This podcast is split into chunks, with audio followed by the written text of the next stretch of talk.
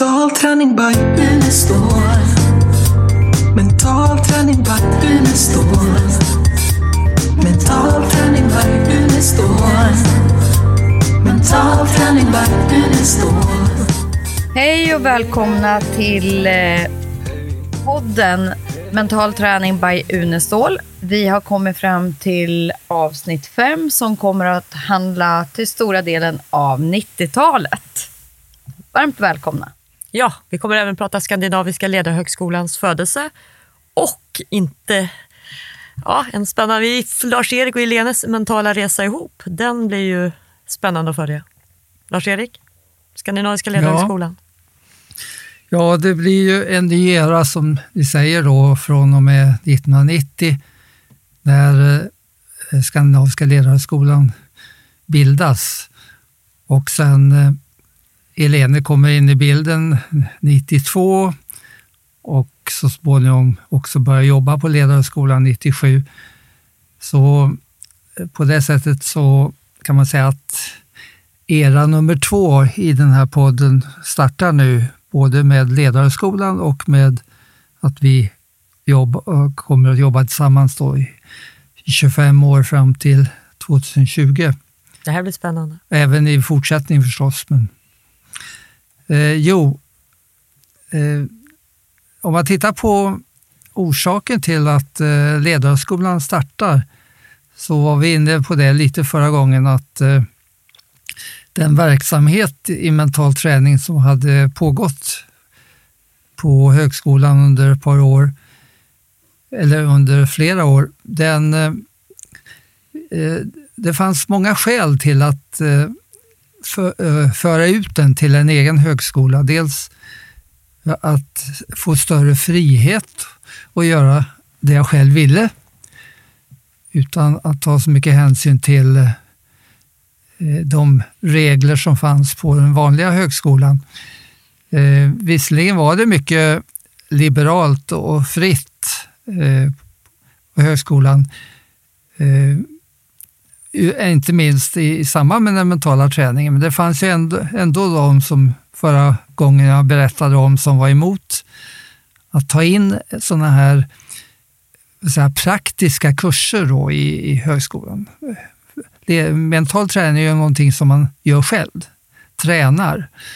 Och eh, eh det var man ju inte van vid, utan har man fysisk träning så hade man visserligen det på GH, men det var ju väldigt mycket kopplat till eh, teorin. Det var ju det man blev godkänd på och inte på den praktiska användningen. Och överhuvudtaget så var det en orsak till att eh, jag funderar på varför man skulle bilda en egen högskola. Därför att eh, ända sedan eh, 70-talet när jag var på Ehm, universitetet i Uppsala så hade jag ju börjat se vilken liten koppling det var mellan hur det gick på universitetet eller hur det gick i skolan och hur det gick i livet. Att det fanns inte några särskilt stora samband mellan skolframgång och livsframgång. Och Det kanske vi ska ta upp i en speciell podd sen, för därför att det är ett oerhört viktigt område att belysa det. Att skolan lär ut kunskap och det är det man får betyg på. Det är det man räknar som skolframgång. Livet fordrar kompetens, eh, det vill säga hur man klarar livet. Och att eh, det är två helt olika saker. Det finns väldigt liten samband mellan eh, kunskapsnivå och kompetensnivå. Så det var en anledning till att jag ville starta en egen högskola för att kunna jobba med livskompetens mera än kunskap. Och eh, därför när vi kommer in på hur vi har jobbat på, på SLH, på, högs, eh, på vår egen högskola, så innebär det ju att vi jobbar med en, eh, livs, en läropyramid som innebär att vi försöker föra ihop lärandet och livet genom fem principer. Att lära i livet, om livet, för livet, från livet och under hela livet. Och Det är en så viktig princip att den eh, kommer vi nog ta en egen podd till så småningom för att berätta om. För det skulle vi önska att det kom in överhuvudtaget i, i samhället idag. Idag så eh, har man väldigt lite användning av betygen. Eh, även om skolan ska vara en förberedelse för livet så är det många arbetsgivare som inte ens tittar på betygen när man kommer och söker jobb. Utan de tittar på kompetens, social kompetens och eh, eh, olika kompetensfaktorer, då, emotionell kompetens och så.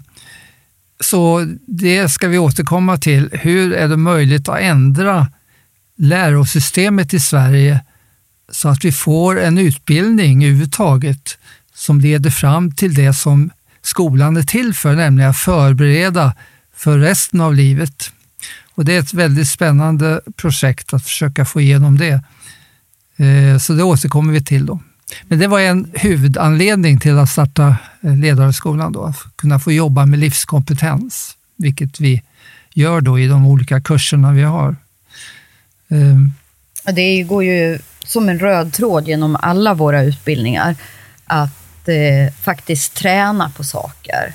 Inte bara sitta och lyssna på saker som man ska lära sig, utan man får lyssna en stund och så får man faktiskt praktisera det.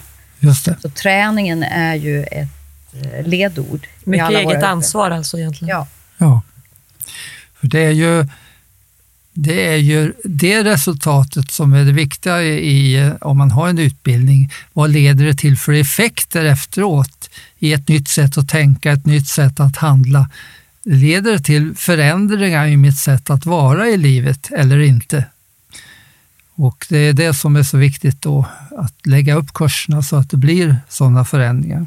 Vilka kurser var det på 90-talet då som var ja, aktuella?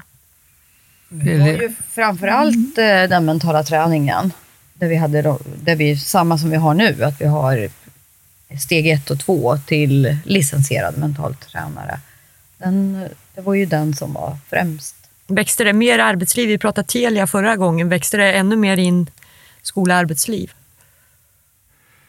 Uh, ja, alltså de som... Uh, skillnaden var ju då att tidigare så hade vi inte haft eh, sådana här kurser till yrket. Och, eh, utan eh, de som använde mental träning var ju då de här olika programmen i idrotten, i arbetslivet och, och så. Men det ledde inte fram till något yrke som det sen blev på 90-talet. Utan, och det är klart att utav dem, vi har räknat ut att mellan 2,5 och 3 miljoner svenskar har prövat på mental träning, men det är ju bara eh, kanske 6-7 tusen som har gått de här utbildningarna till, i mental träning för att bli yrket.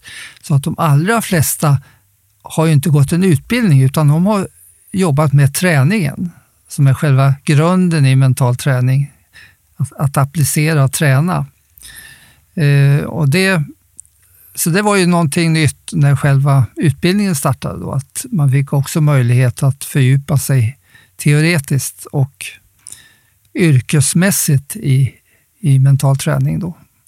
Och under, det, under 90-talet så då, då hade vi ju också många utbildningar inom stress. Stresshantering, stresscoach, Eh, du körde ju mycket hypnosutbildningar då. Ja. Och, ja, jag var ju ute också och jobbade en hel del med, eh, jag, jag tränar ju upp tandsköterskor bland annat runt om i Sverige. Mm. Hur man kunde ta hand om tandvårdsrädda klienter. Ja, och det är intressant då eh, när man tittar på de här två områdena, hypnos och mental träning.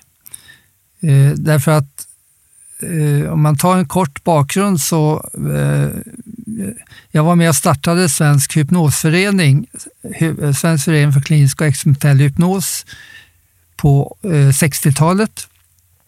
Och jag hade den här avdelningen vid Uppsala universitet som heter avdelningen för klinisk och experimentell hypnos. Vi gjorde mycket studier då.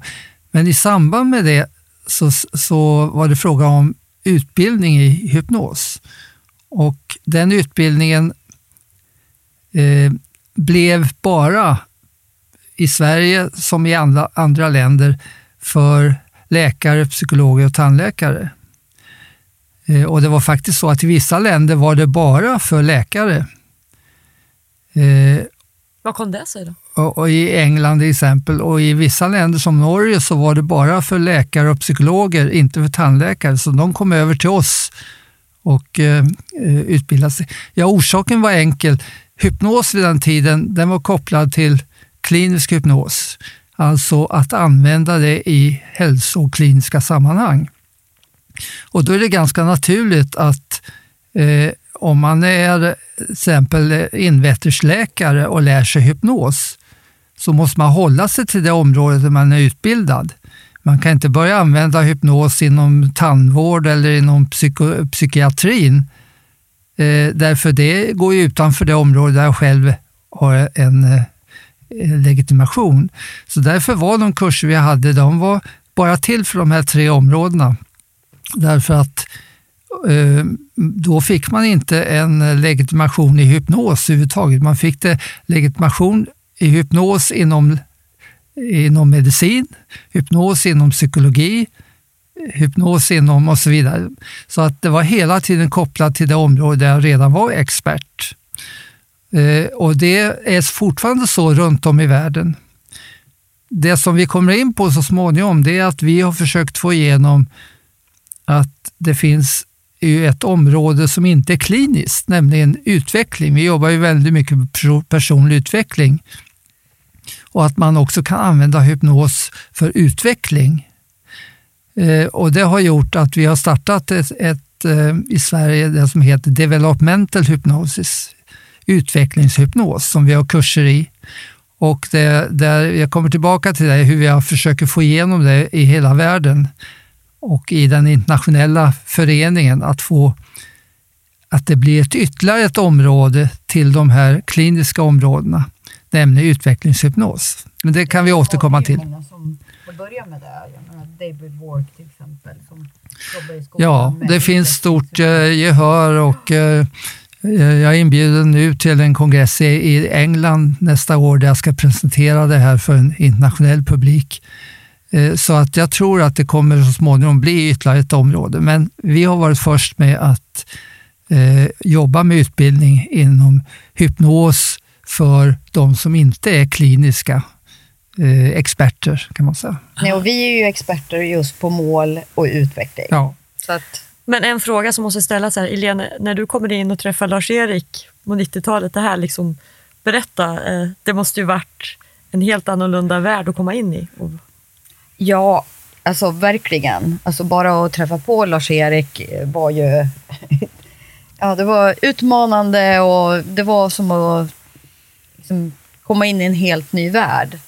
Dels så är jag ju från Kopparberg, alltså det är ju rätt så, så ett litet brukssamhälle där jantelagen gäller och eh, alltså där är det lättare att prata om allt som inte fungerar. Och Lars-Erik pratar ju om allting som fungerar.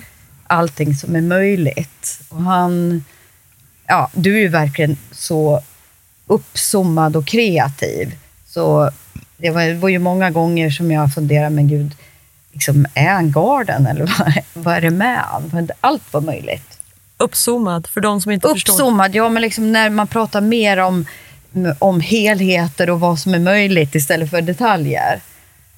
Eh, till exempel, ja på 90-talet så köpte du ju en, eh, till, en eh, skidanläggning helt plötsligt. Jaha, ja. Eh, jag tycker väldigt mycket om utveckling.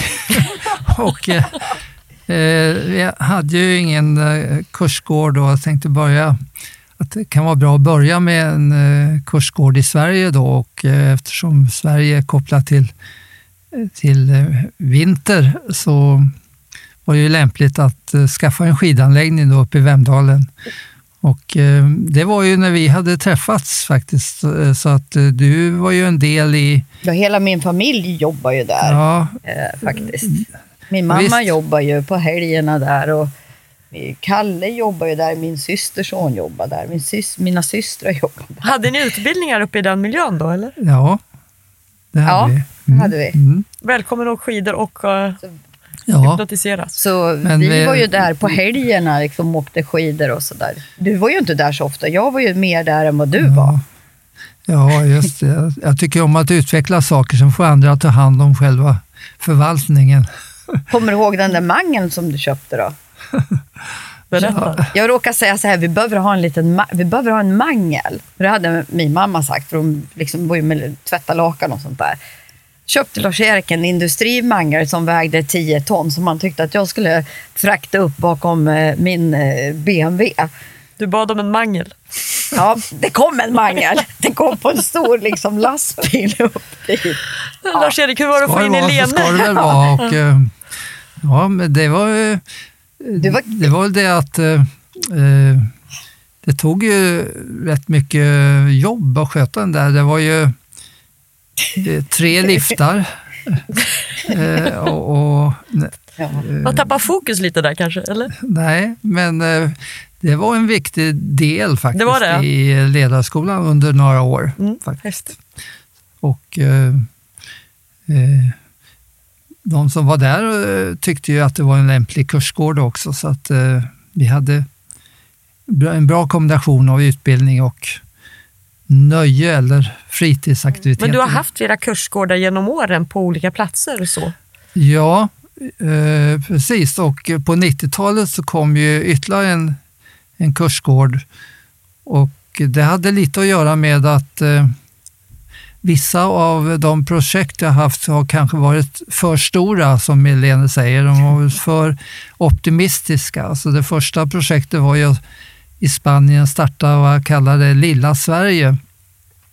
Där eh, jag försökte få igång ett, en, eh, ett område utanför Almeira i, i Spanien eh, som låg eh, ja, någon mil utanför en stad alldeles vid kusten med bergen i bakgrunden och med plats för ett par hundratusen svenskar.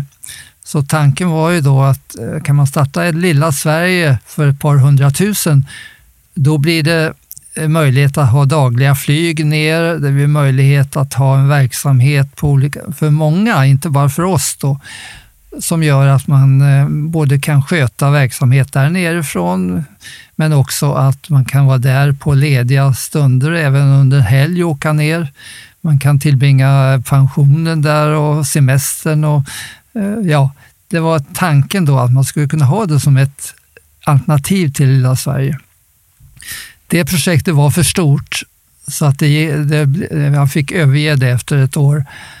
Eh, och då försökte jag istället starta nere i Malaga, med, för där var det många svenskar redan. Så att eh, jag kom överens med dem där nere att eh, eh vi skulle få driva ledarhögskolan på kvällarna på, i Svenska skolan. De har en svensk skola där som har varit den bästa utlandsskolan eh, i alla år. Och sen skulle vi bygga upp en verksamhet utifrån det då. Och då så sa jag, men ni ska ju ändå byta rektor då, då vill jag tillsätta en rektor så att jag har kontroll. Och det fick jag göra, så att en av våra mentala tränare från Göteborg, som var rektor för en gymnasieskola där, hon åkte ner och blev rektor. Eh, Det där fick vi avbryta efter ett år därför att hon eh, menade att eh, det går inte att bygga upp en verksamhet med de svenskar som är där då. För vid den tiden, ni vet ju, eh, de första svenskarna där nere, det var mycket alkoholproblem, det var mycket stridigheter, konflikter. Så hon gav upp efter ett år och kom tillbaka. Men då, efter det, så fick vi kontakt med eh, en författarinna som bodde halva året på Mallorca. Och då sa hon, men kom till Mallorca då och eh, ska visa hur underbar ö det är. Starta där istället. Här är vi också många svenskar. Så eh, hon visade oss runt och vi tyckte då att eh, ja, här skulle man verkligen eh, vara. Och eh, då beslöt, Elena hade då börjat jobba på ledarskolan. Och, Nej, det hade jag inte. nej, men du var på gång. Ja, det var, Du var rätt så, ja, ja, men precis. Jo, men jag, jag läste ju på skolan och så var jag ju ofta med när du hade såna här föreläsningar Ja. och sådär. I vilket fall, du var Ja. med ner när vi skulle eh, försöka hitta en plats för det här första kurs, eh, kurshuset. Eller, Och, men vi höll ju en kurs då. Vi skulle ju ha en kurs i, för golfare nere på... ja, det kanske det var. Ja. Så var det. Och. Lars-Gunnar Solin var ju med också. Det. En god vän till dig. Och då ska vi passa på då och titta, kan vi hitta någon tomt för vår kursgård? Och jag, jag hittade en alldeles vid den här golfbanan, men Elene gillade inte den, så hon sa nej, jag tycker vi ska vara, bo inte bara vid en golfbana. Det Utan, var ju faktiskt så här att det var ingen som vågade säga emot det. De bara, var ju såna jag säger och jag bara tänkt, gud hade jag pengar och skulle köpa Ja, hon- liksom en alltså, kursgård. Elena, Elena har varit uppköpt ifrån början. alltså. så jag, bara, ja, jag kommer ihåg att jag sa, ja, hade jag pengar jag skulle aldrig köpa någonting här precis vid motorvägen. Och då var det ju han mäklaren Kalle, han visar ju... det. Ja, Och- och då säger han att eh, just idag så släpps för första gången Ja. tomter på det här underbara berget eh, som ligger eh, eh, ner utanför Palmanova vid eh, Portanos. Ja, Bendin- Bendinat. Bendinat. Och, vi, och vi åkte dit på en gång. Och Elin och jag klättrade upp på det här berget längst upp och fantastisk utsikt över hela havet. Alla ner- klättrade upp där. Ja, Ja, det var ju Jo. tio personer. men då, då, sa, då sa Elin, här, här ska det vara. Och då fick jag ju finna mig i det. Så vi köpte på en gång den första tomten där. Eh, Efter ett år så var alla tomter på hela det här området slut. Så vi hade väl tur som fick tag i den här första tomten med den underbara utsikten. Och sen byggde, eh, byggde vi en kurs, eller jag byggde en kursgård. Eh, på ett par år så var den klar. Och Alltså här finns en rolig historia måste jag säga. Ja, För att det var ju ja. så här att Lars-Erik skulle åka ner med sin familj och sina vänner och syskon och allt vad det var för någonting.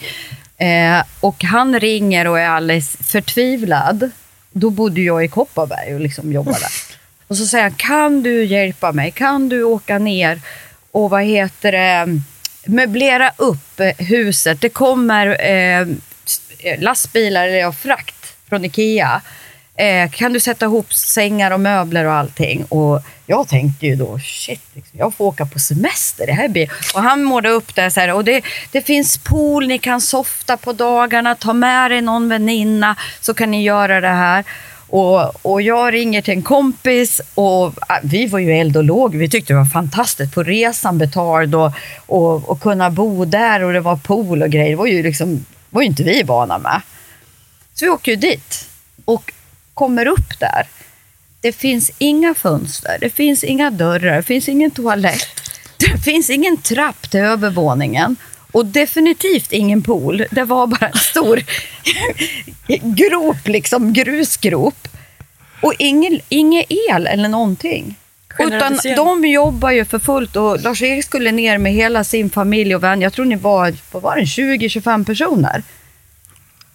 Och, och vi var där och skruvade möbler fast det bara dammar. De spika och hamra och hade sig. Och vi hade ju ingenstans att bo och knappt inga pengar heller.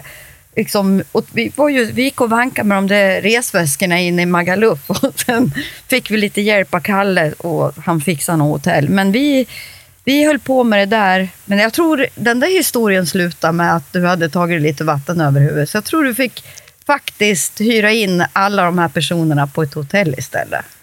Kan det vara så? Det kan det vara så. Vi är inte riktigt klara i tid. Nej. Nej, men det är bra att vara optimistisk. Men vilken resa ändå från Kopparberg till att komma med ut i världen där Ja. Lars-Erik inte ser några problem alls. Nej. Vad hände mer? Mentala träning 90-talet? Mm.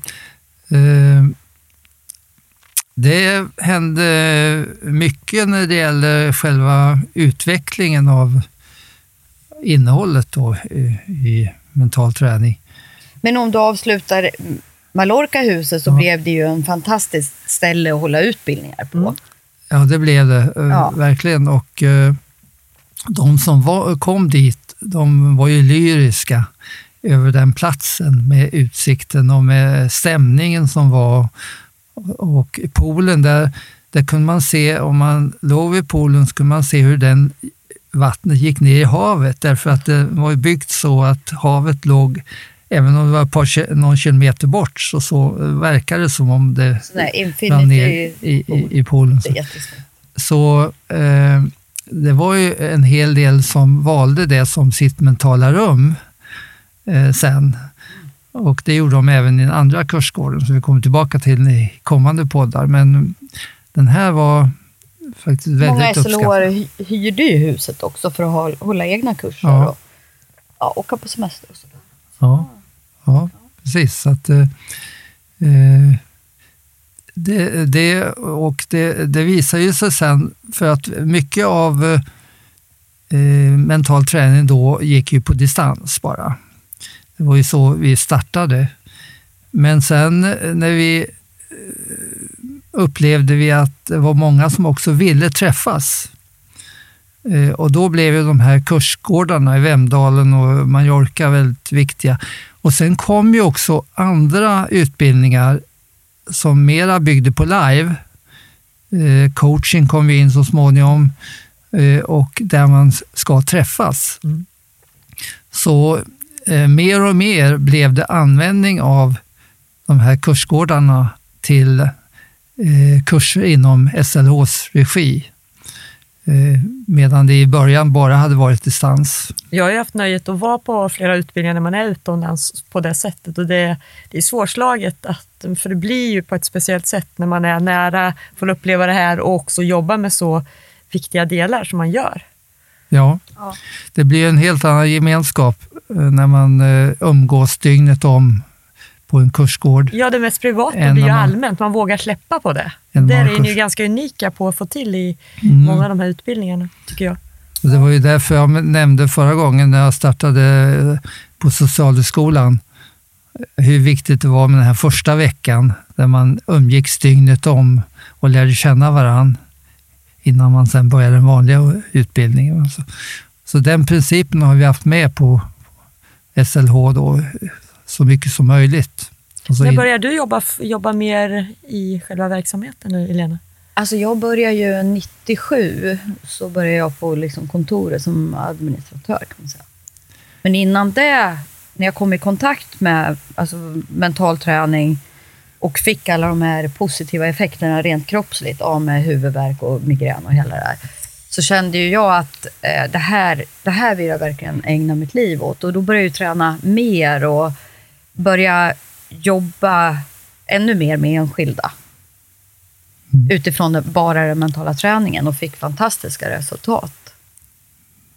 Jag, kom, eh, jag, var jag, hör, jag har inte hört den första podden jag hade när du berättade om eh, hur du kom i kontakt med mental träning då i samband med den här kursen för, för tandläkare.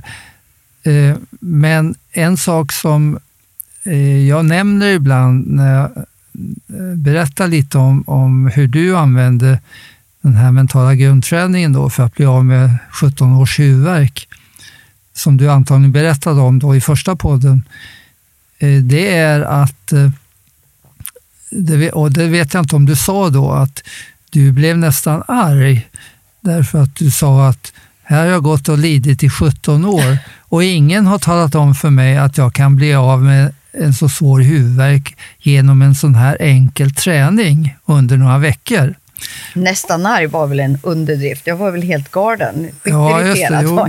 Men, eh, och då brukar jag säga att det där har jag, det där träffar jag på, det träffar säkert du på också, att många säger då, tänk om jag hade träffat på den mentala träningen när jag var ung, då hade mitt liv varit annorlunda. Och det är ju ett eh, motiv till det jobbet där vi försöker engagera unga människor i mental träning och vi försöker få in det i skolan lite mera och försöka nå unga människor. Därför att de som läste till mental tränare och gör det fortfarande, de har ofta varit då eh, ja, 30-årsåldern och uppåt. Och det är först egentligen eh, sista åren som vi har också fått in ungdomar att börja läsa till mental tränare. Jag Eh, tror att det finns en enorm nyfikenhet i nuläget på alla de här bitarna. Det har blivit eh, mer vedertaget att man ska jobba med sig själv. Ja. Ja. Jag undrar om inte Emma Trygg är nog vår yngsta mentala tränare.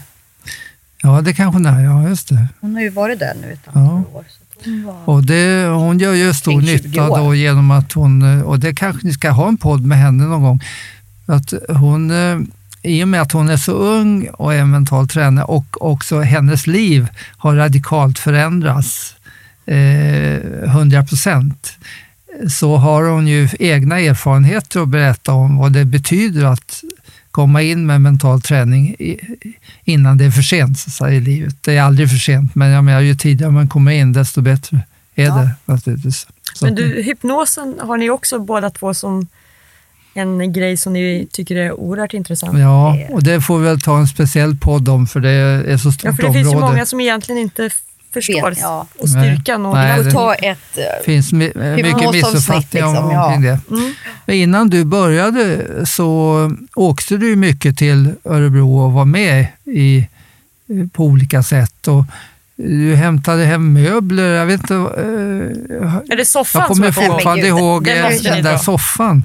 Eh, eh, jag vet inte varför du skulle ha med en soffa till Kopparberg. Jo, eftersom jag hade börjat med mental träning och börjat sätta mål till höger och vänster som jag inte trodde att jag även skulle kunna nå så testade jag det du sa på, ja, men i kurserna och så. Ja. Så att eh, jag blev ju rätt så modig också så jag gick ju iväg och ropade in tre fastigheter på eh, Kronofogden. Och då var, blev ju Lars-Erik väldigt kreativ så helt plötsligt var jag fastighetsägare. Det gick jättebra det också. I Kopparberg? I Kopparberg, ja.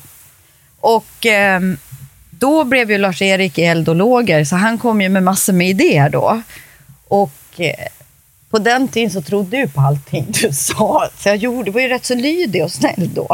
Så att eh, jag gjorde ju precis som du sa och trodde på det. Den gamla goda tiden. Ja, eller hur? Så då säger ju Lars-Erik till mig, oh, men du vet, tänk, vad- du kan ju skapa sån här världens gemenskap bland dina hyresgäster. Så att eh, du skulle ju kunna pimpa upp tvättstugan och där kan de ju sitta och ta en öl och titta på fotboll och sen tvätta samtidigt. Och jag bara, ja, men det är kanske är en bra idé. Ja, Jag har en soffa du kan få av mig. Eh, och sen har jag en tvättmaskin och jag har en TV. Jag bara, ja men gud, ja men det, den, det kör vi på. Så jag ska ju åka ner då. Jag hade ju inget drag på min bil, så då ska jag ju låna min systers bil. En liten blå Ford Escort. Och eh, hon var ju så petnoga med den där. Den var ju ren och fin och allt vad det var. Och hon bara, nu är du rädd om bilen. Så här, ja då, det kommer jag vara. Och sen hinner jag inte med. Jag sitter liksom i bilen och ska åka iväg och rätta till backspegeln. Då får jag den i handen. Alltså den bara lossnar.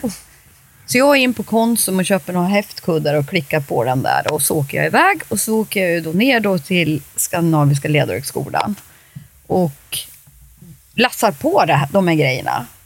Och jag säger, men behöver vi inte spänna fast det här på något vis? Och Lars säger, nej, nej, nej, det behövs absolut inte. Och jag bara, ja han är ju professor så han borde ju veta, tänkte jag. Så jag åker iväg då. Och det här var ju, så jag tror att det här var i januari, februari, så var det rätt kallt. Och då släppte ju, alltså det blev kallt, rutan blev kall och backspegeln släppte loss. Den hade, jag hade ingen backspegel inne. Så jag skruvade på med, med min syrras musik då. Det var ju Vikingarna, här dansband. Och körde för fullt hem då. Och när jag kommer hem, då, då jag kliver ur bilen, då är soffan borta. Den gröna plyschsoffan är borta.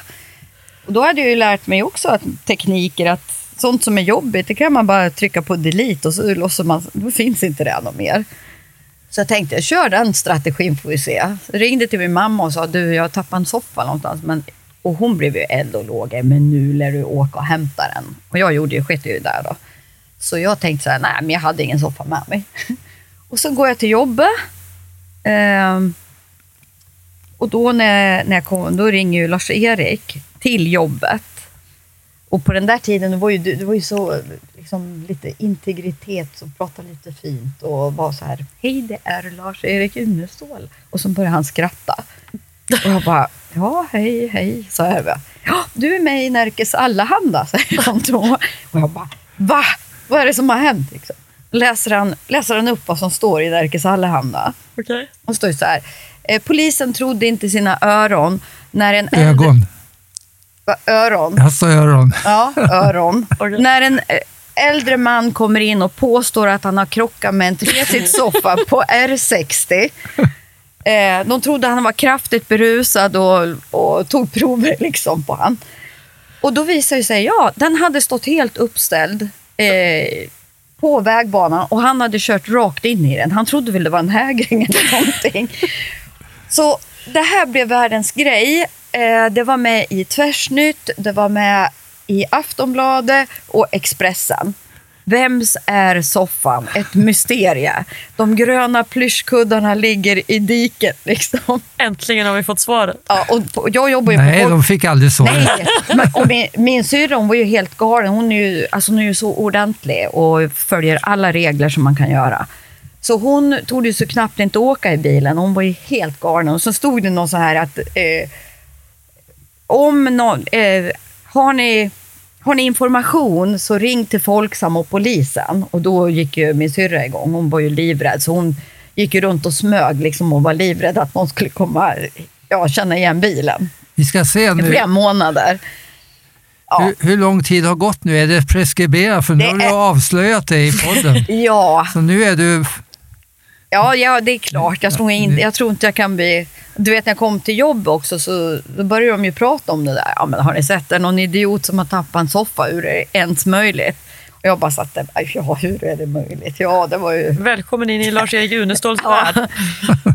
Det, där fick jag en liten hint om att ja, jag kanske behöver tänka lite själv också. Kanske hade varit bra att spänt fast grejerna. Det var ju, jag hade, det var ju en sån bara liten kant ju. Ja. Du, du har väl något uttryck där Lars-Erik? Du får dra det här med omöjligt, eller hur? Så den där, Ja. den där historien har många skrattat åt. Ja. Verkligen. Mm. Eh, Men- just, ja, det var mycket som hände på 90-talet som vi inte kan ta upp här. Men eh, eh, en sak som eh, kom då också, det var lite fler av eh, eh, information om mental träning i, i form av litteratur och så. Och vi har inte nämnt lite om, någonting om det Ja, än, men böcker lite kort kan man säga att eh, den tidiga litteraturen den var framförallt på, eh, på engelska och gällde hypnos. Jag skrev en bok 1973 i samband med världskongressen som heter eh, The Hypnosis and, and eh, jag skrev en avhandling först som heter Hypnosis and Posthypnotic Suggestions och sen en bok som heter eh, Hypnosis. Och den blev väldigt uppskattad. Jag fick faktiskt pris, årets bok av Shapiro, eh, amerikanen som har ett pris varje år Okej. som för bästa bok om hypnos det året i världen. Så den blev väldigt uppskattad. Sen 1982 när jag var på Hawaii, då kom eh, nästa bok som, som hade som heter The eh, Hyp- eh, Hypnos, den var på svenska faktiskt, första på svenska, Hypnos i teori och praktik. Och det här eh, var intressant för den medverkar då 15, eh, eh, alla de som hade börjat jobba med hypnos eh, kliniskt eh, och var kända medverkade eh, i den boken. Så att den blev väldigt uppskattad. Året efter kom den här eh, engelska i gymnastik.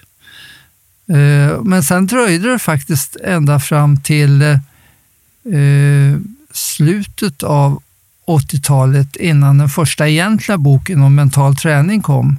Och den hette Självkontroll genom mental träning. Den har jag. Ja, det var liksom början på den litteratur som sen kom och som fortsatte under 90-talet med flera böcker om mental träning. Man kan säga att böckerna om mental träning de kom först då framåt 90-talet medan eh, tidigare böcker hade handlat om hypnos. Då. Och eh, just kom, kombinationen, relationen mellan hypnos och mental träning kommer vi tillbaka till då i samband med att vi tittar på Vi kan väl säga det, men var vänder man sig om man är intresserad? För det finns ju oerhört mycket bra böcker som har getts ut. ja, eh, ja, vi har ju med det i, i, i kurserna och så. Mm. Och eh, Om man eh, vill köpa dem, det, det går finns också på, på hemsidan eller?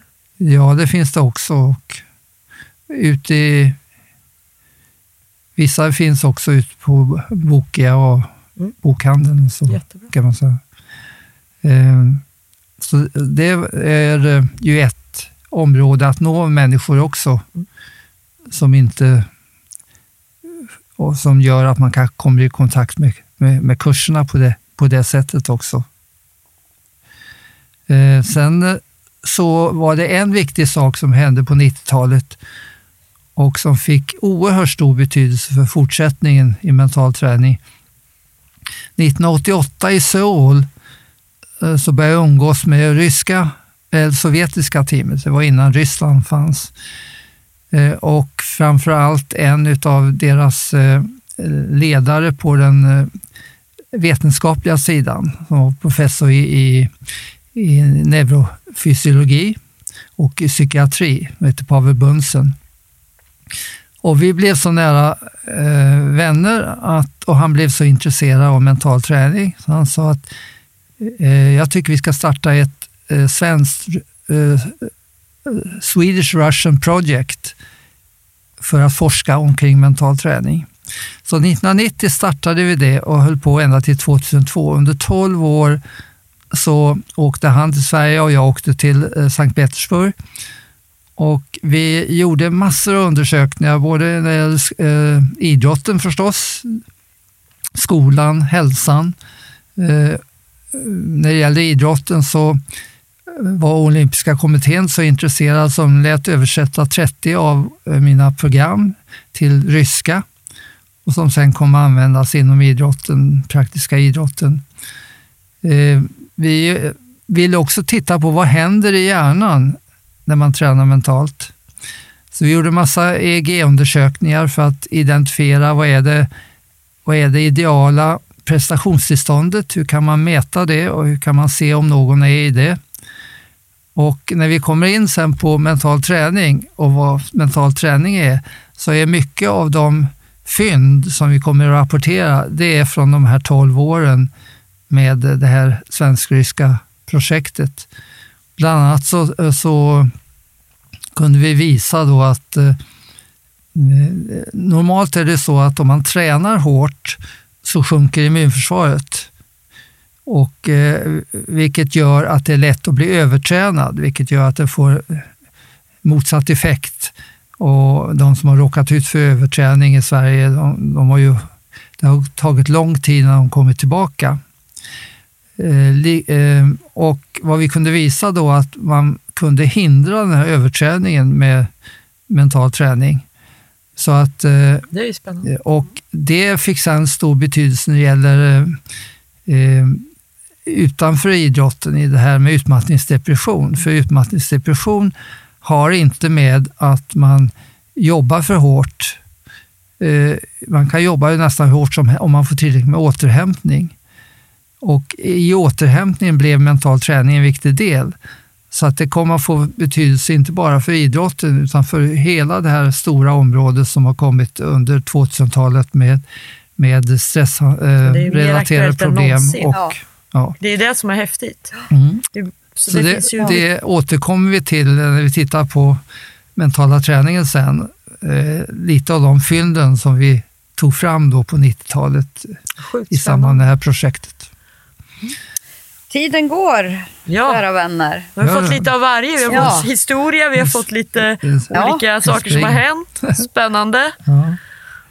Eh, Ja, det är då en, en sak till bara. Och Absolut. det är att eh, eh, vi hade, när vi startade det här med personlig utveckling så visade det sig att utvecklingsmodellen som vi kommer att berätta mer om sen, den gäller egentligen alla områden i livet. Och den gäller också hälsan. Men hälsan hade dittills varit kopplad till hälsoproblem. Så de som utbildades till hälsoinstruktörer och hälsopedagoger, de vände sig den gruppen till, av människor som hade hälsoproblem. Men utifrån den här modellen med, med, som vi hade på Ledarhögskolan då, eller som vi hade i mental träning, utvecklingsmodellen, så sa vi varför inte jobba med hälsan på samma sätt som man gör med mental träning som vänder sig till alla för att utvecklas. Och det projektet som då började när jag hade en gästprofessur i Australien på 80-talet, som vi inte har berättat om, men det kan vi återkomma till. Men där, där, kunde, jag, där kunde jag starta då det här projektet med hälsoutveckling för alla. Och när jag var klar efter ett år, då kom eh, Lars-Gunnar Solin och eh, Elisabeth Solin ner och fortsatte det projektet. Och vi kallade det projektet i Australien för Örebro-modellen.